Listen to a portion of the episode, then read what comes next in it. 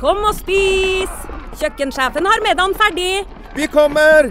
Vi skal bare Åh, det er da så morsomt her på Stiklestad! Ja, men sjøl en god viking må ha både mat og hvile. Og dessuten kan dere nå være noen dager. Velkommen til Scandic Stiklestad. Moderne fasiliteter i historiske omgivelser. Det var her det skjedde. Det er her det skjer.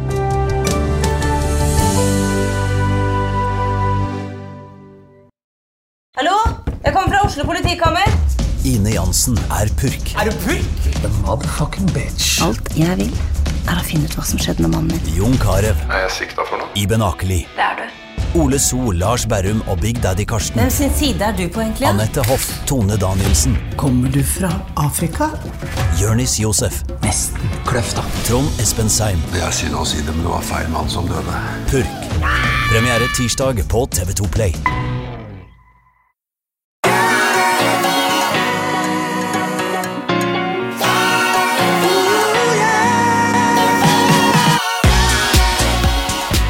Velkommen til podkasten Hjernesterk. Eh, Ole Petter, eh, vi er jo litt sånn ute i sommeren nå, eh, vi har jo alle disse spørsmålene vi skulle dratt igjennom. Eh, Vi får jo stadig spørsmål på Det er særlig eh, ja, det er Facebook. Vi er ikke så veldig aktive på den Facebook-sida, for å være helt eh, ærlige. Og så er det jo Instagram, da, som er en del eh, spørsmål som kommer, og det er veldig hyggelig. Vi får ikke tatt alle, men eh, for å si sånn, Vi har ikke noe køopplegg heller, men eh, vi, vi tar de litt med ettersom vi rekker. Eh, og vi har jo fått en del eh, spørsmål som sagt, som kunne vært fint å tatt nå, tenker jeg, Ole Petter. Så det er en her som lurer enkelt og greit på Bare for å gå rett på sak, Ole Petter. Det er jo like greit, det. Kort spørsmål, sier han. Kan man trene hver dag? Og så skal jeg bare ta avslutningen her. Lang versjon av samme spørsmål. Jeg trener styrke tre dager i uka og trener løping tre ganger i uka. Kan jeg legge inn fire styrkedager i uka? Eventuelt legge til en svømmeøkt.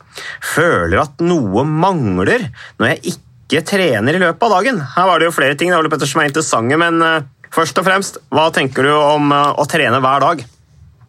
Ja, du, jeg tenker at eh, Hvis du har muligheten til det, tid, motivasjon Absolutt ingenting som er bedre enn det.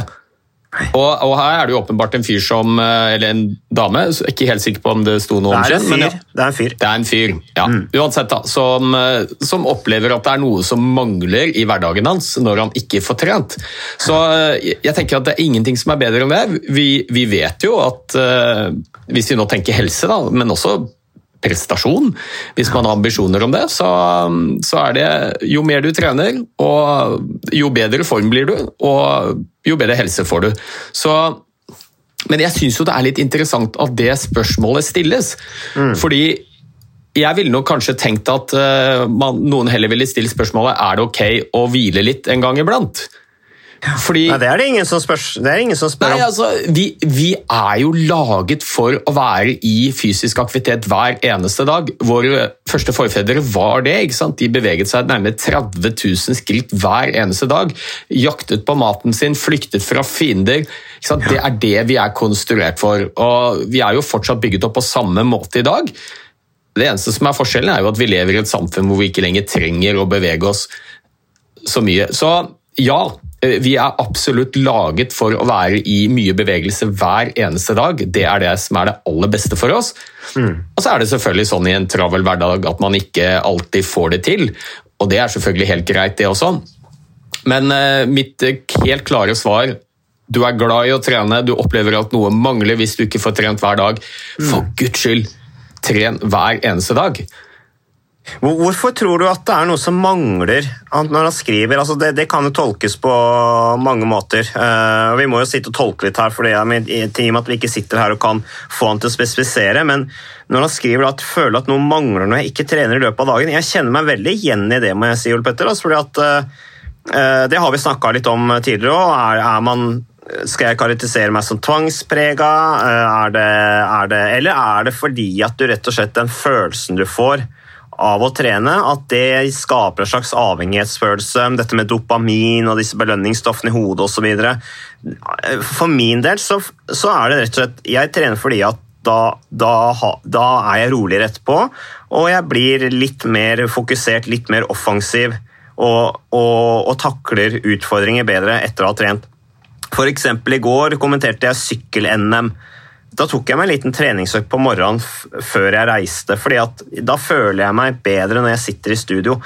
Tror du ikke at det kan være litt uh, samme årsaken til at uh, vår kjære lytter her skriver at han føler at han mangler noe i løpet av dagen? Jo, uh, og jeg tenker nå at det at du føler at det er noe som mangler når du ikke får trent, det er jo jeg tenker det er egentlig litt fint. Ja. For det, det, forteller noe om hvor, hvor viktig treningen er for deg. Og jeg tror det er flere elementer i det der. Her er det en, høres ut som det er en person som har trent eh, ganske mye over lang tid, så dette er blitt en vane i livet. Og, og Sånn er det jo med de tingene som vi gjør hver eneste dag, som blir til, til vaner. Når vi ikke har muligheten til å gjøre dem, så opplever vi at et eller annet mangler. Altså Hjernen vår rett og slett sier at vet du hva, her er det noe du vanligvis gjør, det har du ikke gjort i dag. Det bør du gjøre. Og så var du inne på dette med avhengighet, og, og, det har vært en sånn eh, lang diskusjon, det der om, eh, om trening er avhengighetsskapende. Eh, vi snakker jo veldig mye om kjemiske stoffer, rusmidler som avhengighetsskapende. Det har vært en diskusjon om rundt sukker er avhengighetsskapende. Mm. Og for å oppfylle den definisjonen da, på, mm, på, avhengighet, så er det sånn at en aktivitet eller et legemiddel eller et rusmiddel det bør gi en Altså, du får en negativ opplevelse når du ikke gjør det. Altså, negativ enten fysisk eller, og eller mentalt. Mm. Og eh, den årsak til at man føler det, det er fordi at eh, når man trener, og det har vi snakket om mange ganger, så blir vi kjemisk belønnet i hjernen vår med dopamin. Det er et evolusjonsmessig signal eh, for å øke vår overlevelse. Rett og slett at når du beveger deg, så blir du belønnet. Kroppen og hjernen skjønner at dette er bra for deg, så du blir belønnet, og da er det mer sannsynlig at du fortsetter å gjøre den aktiviteten. Og Det vet vi ganske godt i dag, at du skiller ut ganske mye dopamin når du trener. Og det gir en velværefølelse. Mm. For noen nærmest en ruslignende tilstand. Og Når du da ikke trener, så skiller vi ut mindre dopamin. Og da føler du det rett og slett mentalt. Eh, noen kan bli litt nedstemt, de er ikke like godt humør. Så trening oppfyller definitivt det kriteriet. Du får rett og slett en liten abstinensreaksjon når du ikke trener, hvis du er vant til å trene. Ja, og Det er vel nærliggende å tro da, at det er den, den følelsen, eller den, det han, han, peker på når han skriver her at jeg mangler noe når jeg ikke trener i løpet av dagen. Vil jeg anta. Ja, og det er helt sikkert en del av det. Og så er det det andre kriteriet da, for at noe skal kunne kalles avhengighetsskapende. Det er det vi kaller toleranseutvikling. Det betyr i praksis at du må ha en høyere dose over tid for å få samme belønning som du tidligere fikk av en lavere dose. Og, og Kobler vi dette mot rusmidler, så tror jeg mange kjenner seg igjen i det. Hvis du drikker alkohol for første gang, så skal det ikke så veldig mye til før du opplever å bli beruset. Drikker du tungt over lengre tid, mm. det anbefaler vi selvfølgelig ikke, så ser man at man trenger mer og mer alkohol for å få samme rus som man tidligere fikk på en lavere dose. Mm. Og Sånn er det nok litt med trening også, at de som trener mye, de utvikler en slags toleranse for det. Dvs. Si at de må, de må øke dosen litt over tid for å få samme belønning av treningen som de tidligere fikk med en litt lavere mengde. Mm. Så eh, ja, her høres det ut som det er en som er eh, blitt avhengig av å ha trening i livet sitt. Og Det er jo en fin avhengighet for de aller fleste, så, så lenge det ikke, ikke sant, bikker over og går utover hverdagsfunksjon og at man dropper sosialt samvær og ikke går på jobb for å trene og all, all, all mulig sånne ting. Men um, det er ikke noe stort uh, folkehelseproblem i Norge i dag. Nei, så Når jeg sier liksom, eh, det vi har snakka om, liksom, dette å være tvangsprega og det kanskje blir sånn usunt forhold til fysisk trening, det kan også handle da om at man er, blir avhengig av at det er en kjemisk Eh, utvikling eller en reaksjon oppi hodet når du da plutselig lar være å gjøre det, noe du er vant til å gjøre og har gjort gradvis mer over tid? Ja, og jeg tenker nå av at alle de avhengighetene man kan ha, da, så er vel dette kanskje en av de aller sunneste. Eh, og jeg tenker For folk flest så er det helt supert å bli litt avhengig av treningen. Og så er det selvfølgelig sånn at det er noen personer som kanskje er mer sårbare enn andre for å bli avhengig av trening på et nivå som gjør at det, det faktisk går utover livskvalitet og hverdagsfunksjon. At man eh, Treningen blir så viktig for en at det er andre områder av livet hvor som blir skadelidende. Og Vi kan selvfølgelig snakke om alt fra skader, man løper eller trener så mye at man blir skadet. Eh, vi vet at de som trener mye også, det kan, det kan være en sammenheng mellom det og spiseforstyrrelser. Så, men for folk flest da, så er det å være avhengig av trening så godt som udelt positivt. Mm. Ja. Men uh, over til det andre han spør om her. da. Uh, dette her uh, Trene hver dag. Det er vi blitt enige om absolutt det kan du gjøre. jeg prøver å trene hver dag selv, men varierer selvfølgelig mengden.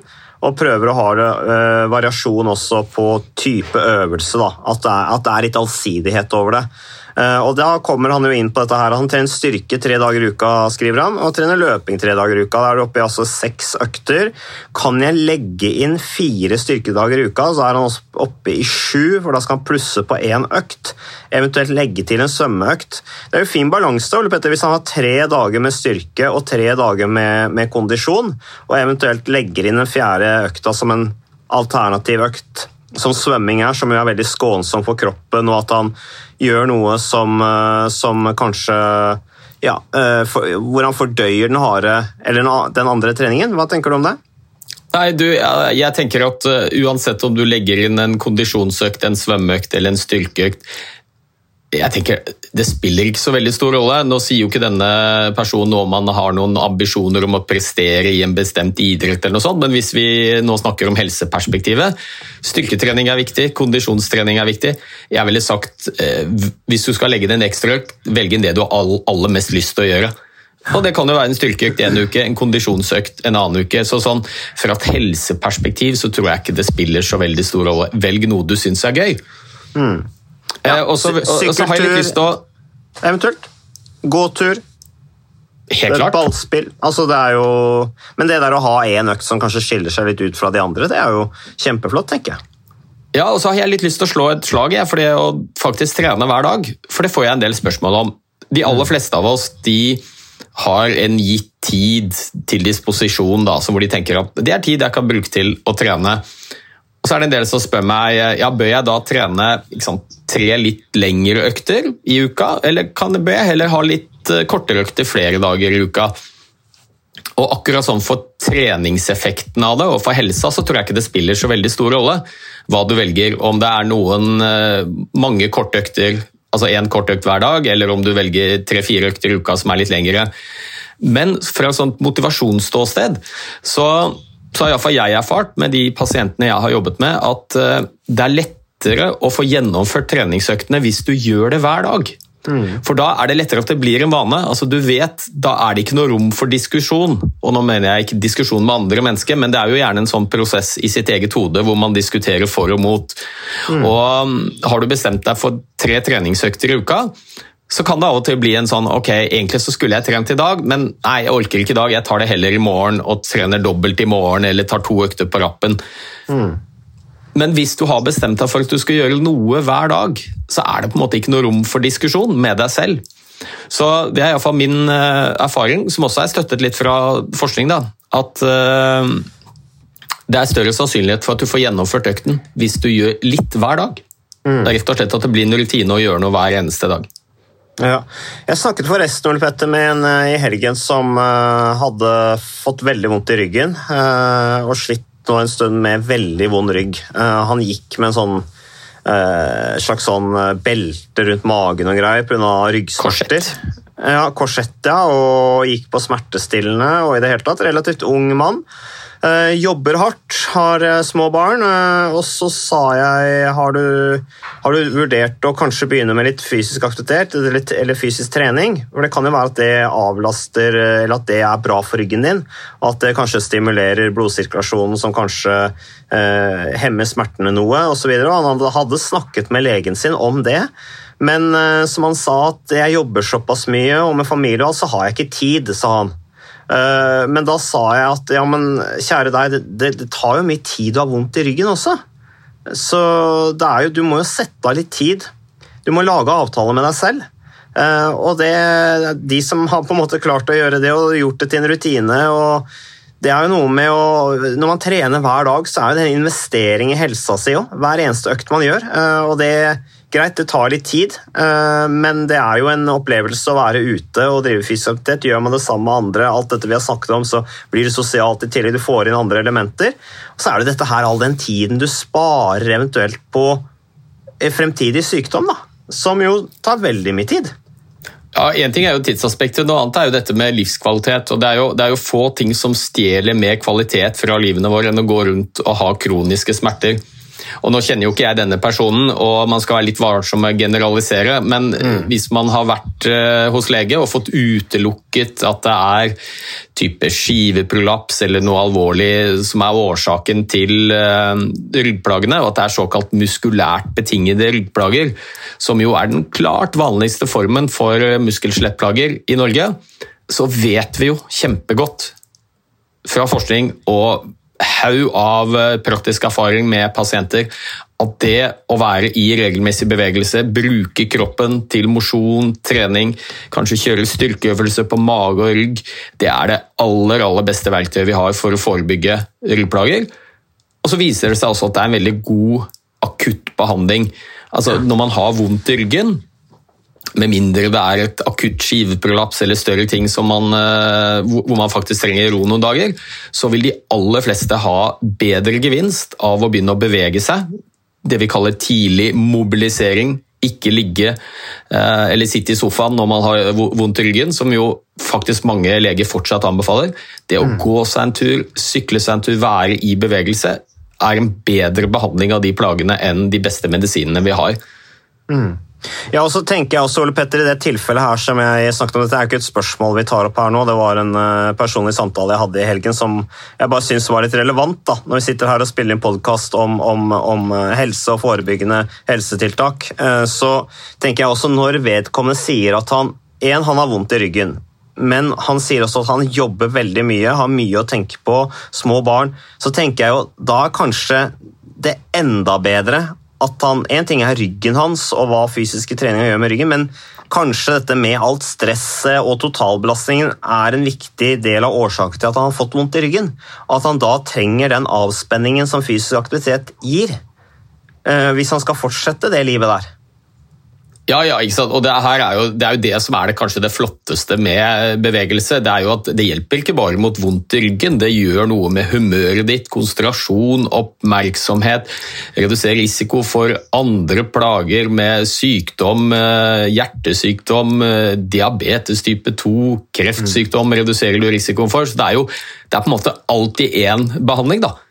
Eh, og jeg synes jo Det er litt interessant at uh, dette begynner vi å bli mer og mer klar over i helsevesenet.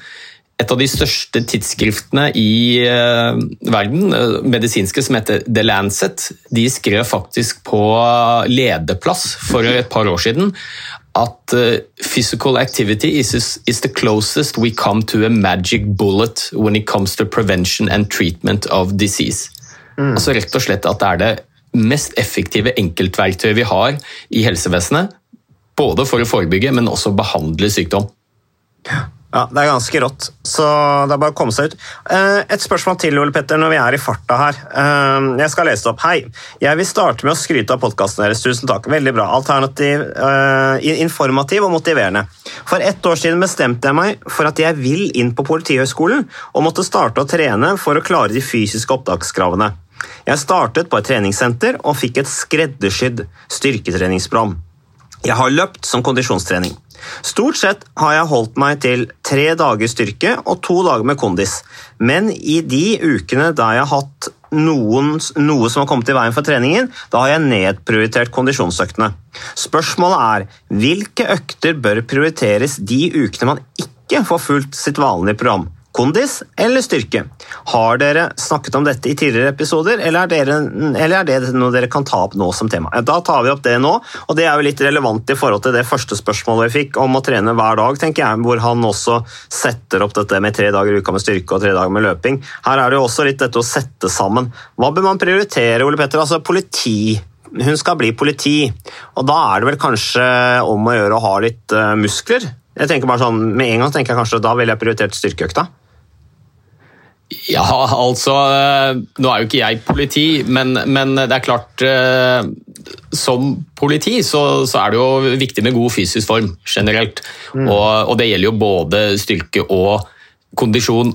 Og igjen så er vi litt tilbake til denne båsinndelingen som jeg tror eh, mange har. da, altså Enten så trener vi styrke, eller så ja. trener vi kondisjon. Og mm. Både for helsas skyld, for prestasjon og for jobb, sånn som for denne personen, så er begge deler viktig. Og Det er litt vanskelig å si hva er viktigst. Det kommer litt an på hva du ønsker å oppnå. Men iallfall fra helseperspektiv så vil jeg si at begge deler er like viktig. Ja. Men, men det går an å trene. Ukas annonsør det er uh, HelloFresh. Og uh, hvis du nå går inn på hellofresh.no og bruker koden 'fresh hjerne', så kan du få opptil 1779 kroner rabatt på da de fem første matkassene dine hvis du ikke har prøvd Hello Fresh enda.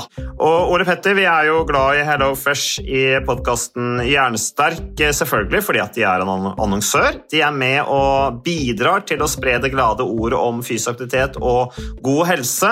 Men i tillegg så har jo vi også nå lang erfaring med Hello Fresh eh, selv. Så vi må jo si at det har vært gode erfaringer til nå. Ja, absolutt. Visste du Mats, at HelloFresh er faktisk verdens ledende matkasseleverandør? og Tilbudene til HelloFresh gjør det enkelt å lage gode og varierte retter som skaper matglede. Og matglede vet du, det er like viktig som hva du putter i munnen. Det å spise mat med folk du trives med. Så gjennom 25 nye og inspirerende retter hver uke så bidrar HelloFresh til dette. Du kan bestille ekstra porsjoner om du får gjester, eller hoppe over uke hvis du f.eks. skal bort. Mm. Og Det er ingen bindingstid, og du velger leveringstidspunkt og dag selv, så leverer Hello First matkassen din akkurat når det passer deg. Ikke dårlig, Mats. Nei, det er veldig bra. Så, eh, og dette er med enklere hverdag, det kan jeg nå skrive under på. For nå, forrige erfaring vi hadde forrige uke, Ole Petter, det syns jeg var Det var jo et gjennombrudd eh, for familien Kaggestad. For da lagde rett og slett barna de lagde middag og serverte middagen, så den var ferdig laget og servert da når eh, min kone Marita og meg kom hjem fra jobb. Og jeg mener Det var jo bare helt utrolig. Eh, det var helt fantastisk. Det ble en nydelig middag. Riktignok de, de, de, de roter og søler litt, det gjør de. Så, men, men, maten ble veldig god. De var veldig stolte over å kunne ha både laget og servert maten, så det var helt fantastisk. Så vi har jo da i siste så har vi eh, spist eh, bl.a. sitron- og dillstekt hyse med ovnsbakte grønnsaker og aioli. Eh, vi har spist middelhavsinspirert kylling. Taco, så finnes det mange ulike typer taco. F.eks. vietnamesisk taco, som vi har spist. Thailandsk vegetargryte.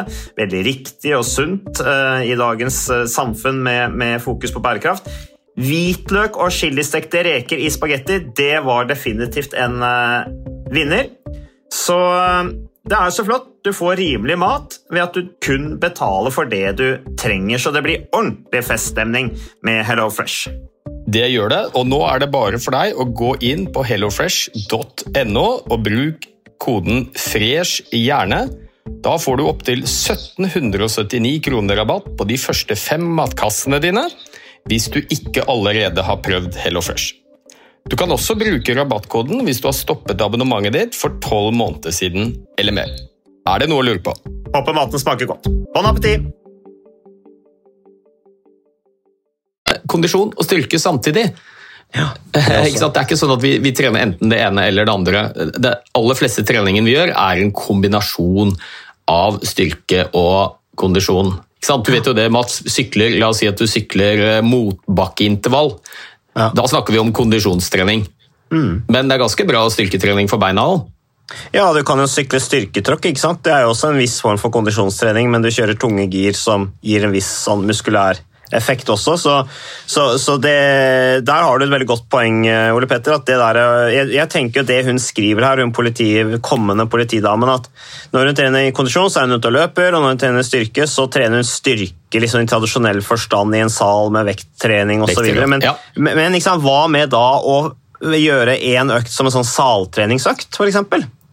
Ja. Hvor det er disse, alle disse ulike elementene som du er inne på, Ole Petter? Ja, og Det er det jeg anbefaler da, for de som lurer på skal jeg trene styrke i dag, skal jeg trene kondis. Altså Hvorfor ikke ta en økt som kombinerer begge deler? Eh, og Det kan være ganske enkelt. Det kan være det vi kaller sirkeltrening. La oss si at du har fire forskjellige øvelser du skal gjøre. Noen øvelser som styrker de store muskelgruppene i beina, knebøy f.eks. Utfall. En øvelse som styrker kjernemuskulatur, kanskje planken eller situps. Og så har du noe for overkropp, det kan være dips eller pushups. Altså Her velger du de øvelsene du liker, men eh, gjerne fra liksom, de største muskelgruppene vi har. Eh, og Det er jo i overkroppen og i beina og mage og rygg. Og Så kjører du f.eks. intervallprill på det. 40 sekunder med knebøy eller burpees eller hva du nå ønsker. 20 sekunders pause, og så går du til neste øvelse, som kan være utfall f.eks. Og hva Gjør du hoppende utfall, så blir du litt mer sliten. 40 sekunder på og 20 sekunder av, og så kjører du fem-seks runder av denne styrketreningen med, med fire, fire, eller fem øvelser.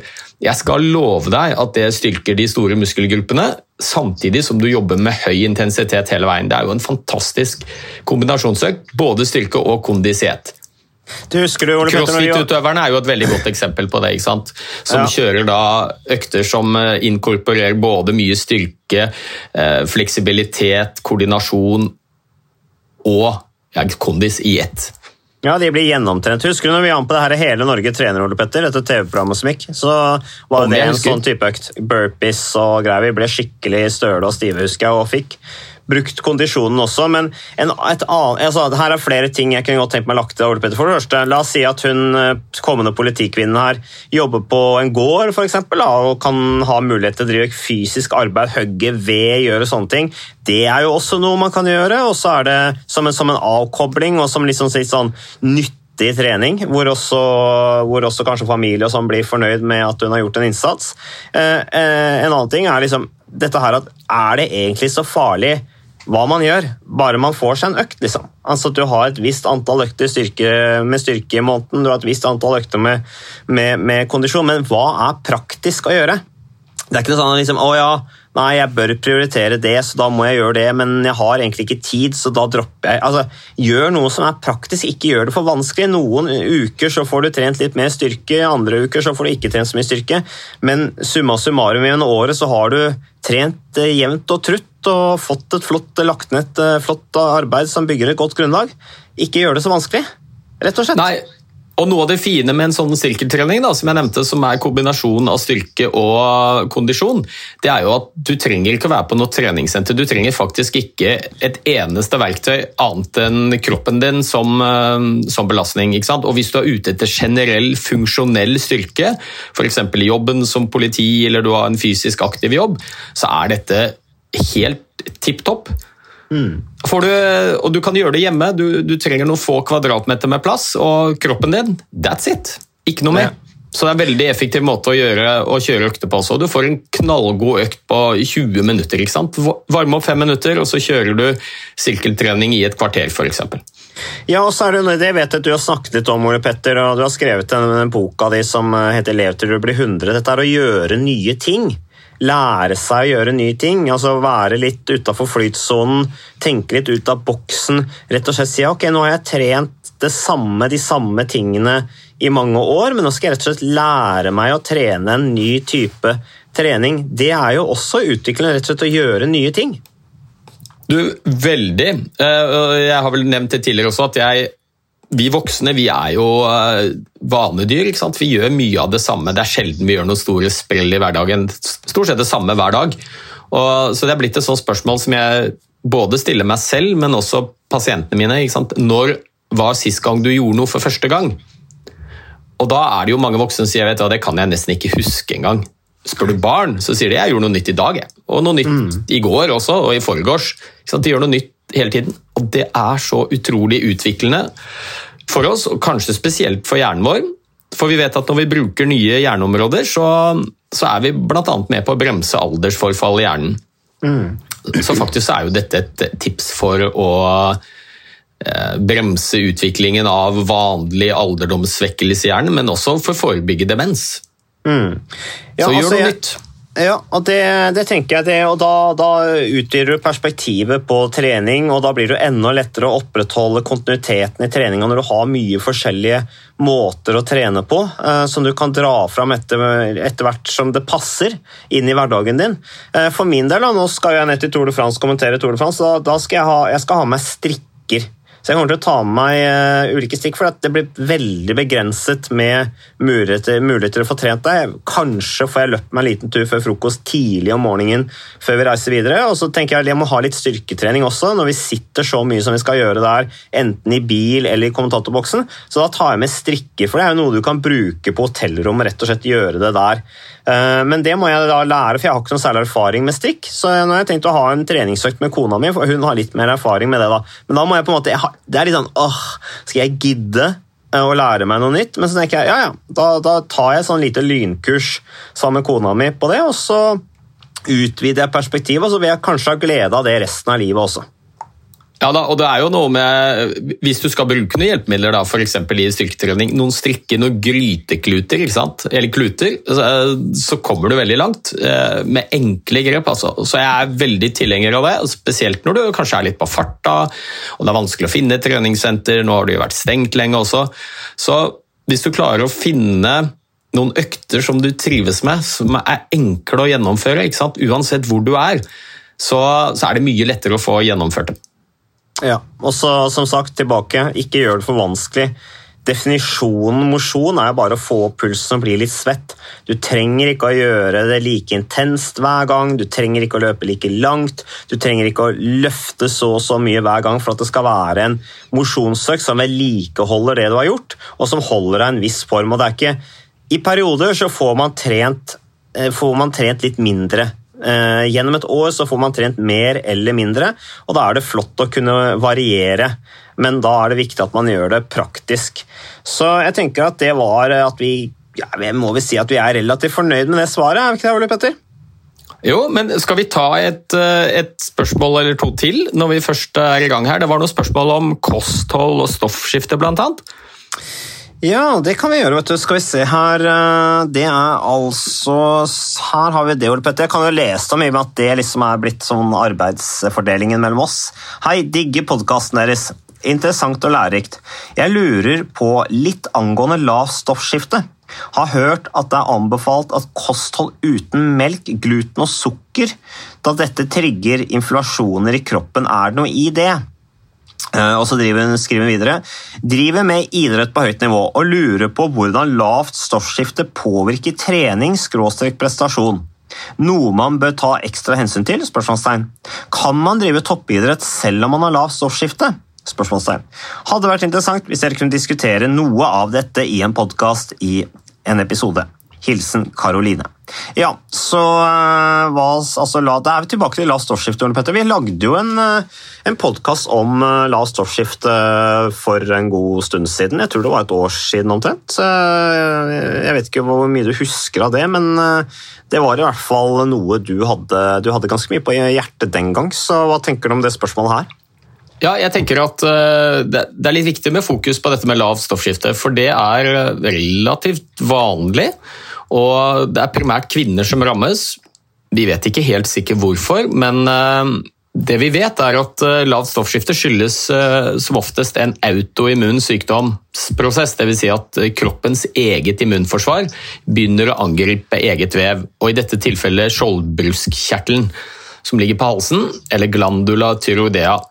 Med det resultat at skjoldbruskkjertelen lager for lite av et viktig stoffskiftehormon som heter tyroksin som faktisk er viktig for uh, veldig mye. Det påvirker uh, forbrenningen vår, energinivået vårt, hjerte, muskler, hjerne. Og Det viser seg også da at de som har lavt stoffskifte, de får ofte veldig mange symptomer.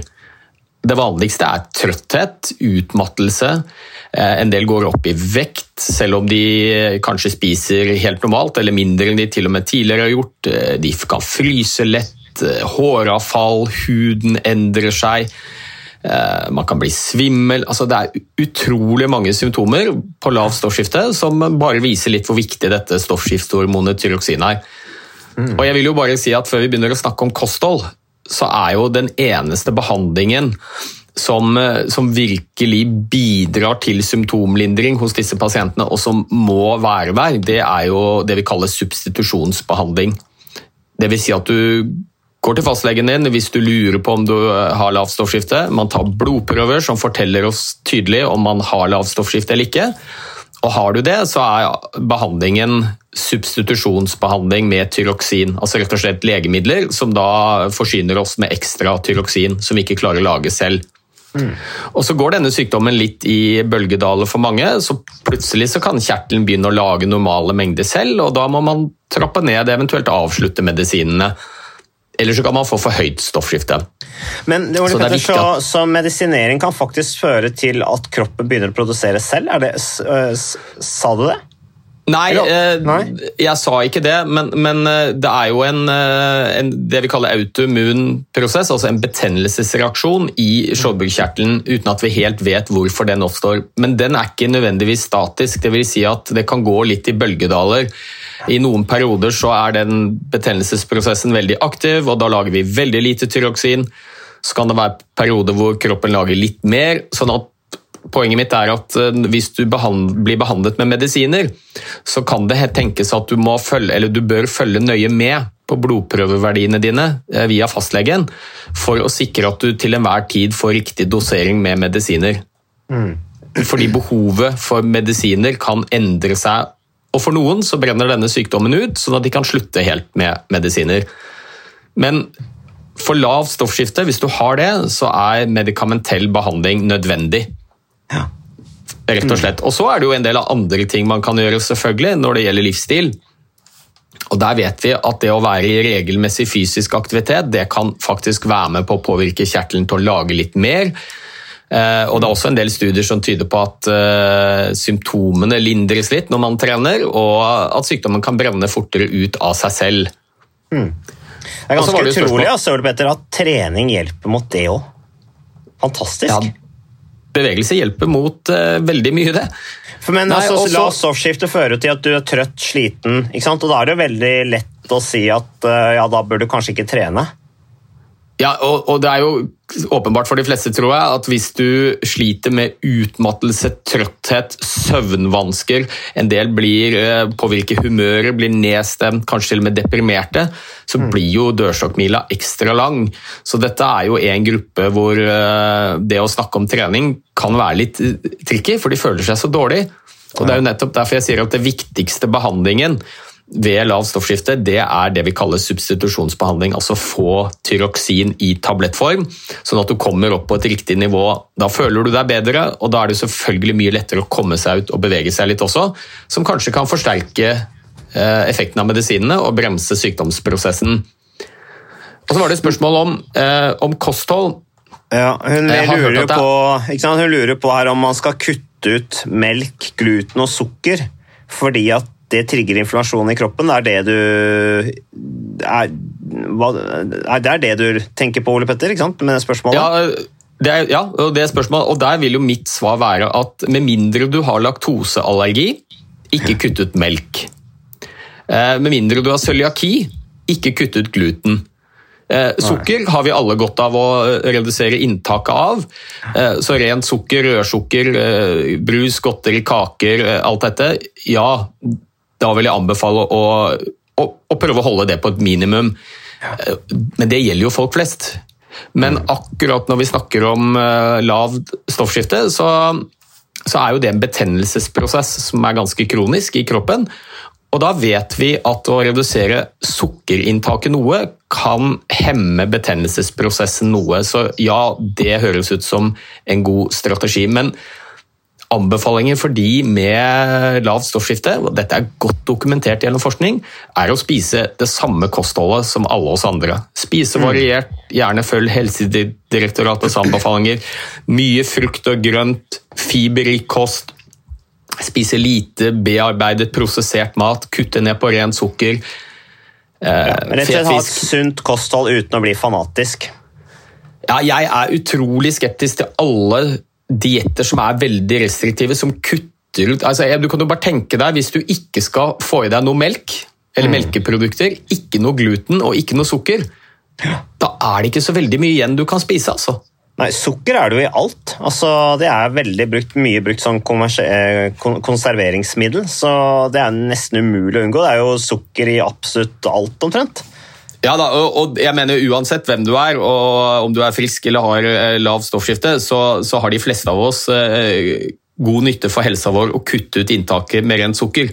Men hvis man her spør om karbohydrater, så finnes jo de i mange forkledninger. Og, og grove, fibret karbohydrater, kjempebra for helsa. Så nei, jeg ville sagt spis sunt, variert, et vanlig kosthold. Vær fysisk aktiv. Og lurer du på om du har lavt stoffskifte, gå til fastlegen din for å få sjekket det. Eh, Og så vil du få medisiner som er nødvendige hvis det viser seg at du har lavt stoffskifte. Og så var det noe med dette med trening, prestasjon. Og, og da er det jo sånn at um, det finnes jo noen toppidrettsutøvere som har lavt stoffskifte.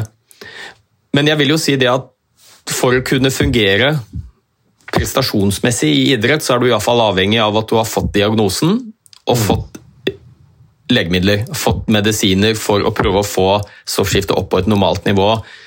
Eh, For det å trene med lavt stoffskifte, det gjør for det første at eh, altså Det er ikke noe farlig, langt ifra, men eh, det reduserer prestasjonsevnen din.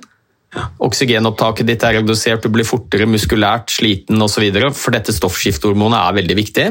Ja, Når du da driver med toppidrett, så blir jo det da krevende. ikke sant? Når det er snakk om 2 dårligere prestasjon, så Ja, ja. henger du ikke med lenger. Nei, jeg ville jo sagt at Hvis du har en udiagnostisert lavt stoffskifte, så er det nærmest utopi at du skal klare å prestere på et høyt nivå. Men det er jo en del som har fått medisiner for å korrigere det lave stoffskiftet, som er toppidrettsutøvere. Men selv da så er det nok litt utfordrende, fordi at når du tar medisiner, så skal jo de erstatte din egen produksjon. Og uansett hvor flink du er til å ta medisinene dine sånn som du skal, så klarer du ikke å regulere stoffskiftet like godt som kroppen gjør naturlig med en frisk skjoldbruskkjertel. Så um, jeg tenker at hvis du har lavt stoffskifte, stå på medisiner.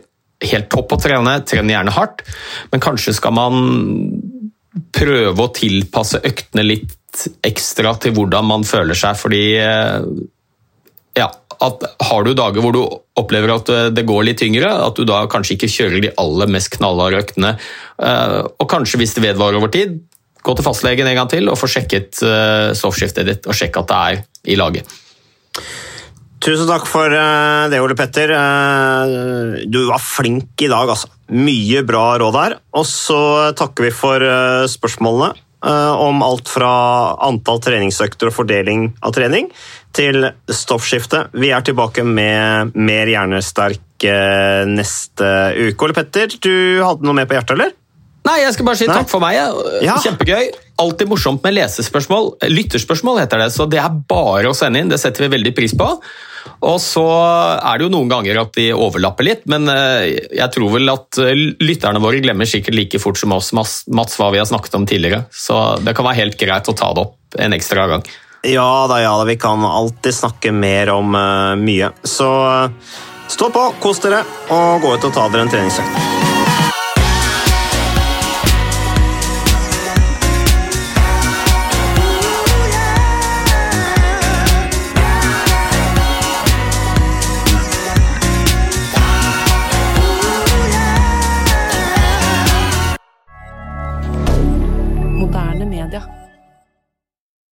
Har du et enkeltpersonforetak eller en liten bedrift? Da er du sikkert lei av å høre meg snakke om hvor enkelt det er med kvitteringer og bilag i fiken, så vi eh, gir oss her, vi. Fordi vi liker enkelt.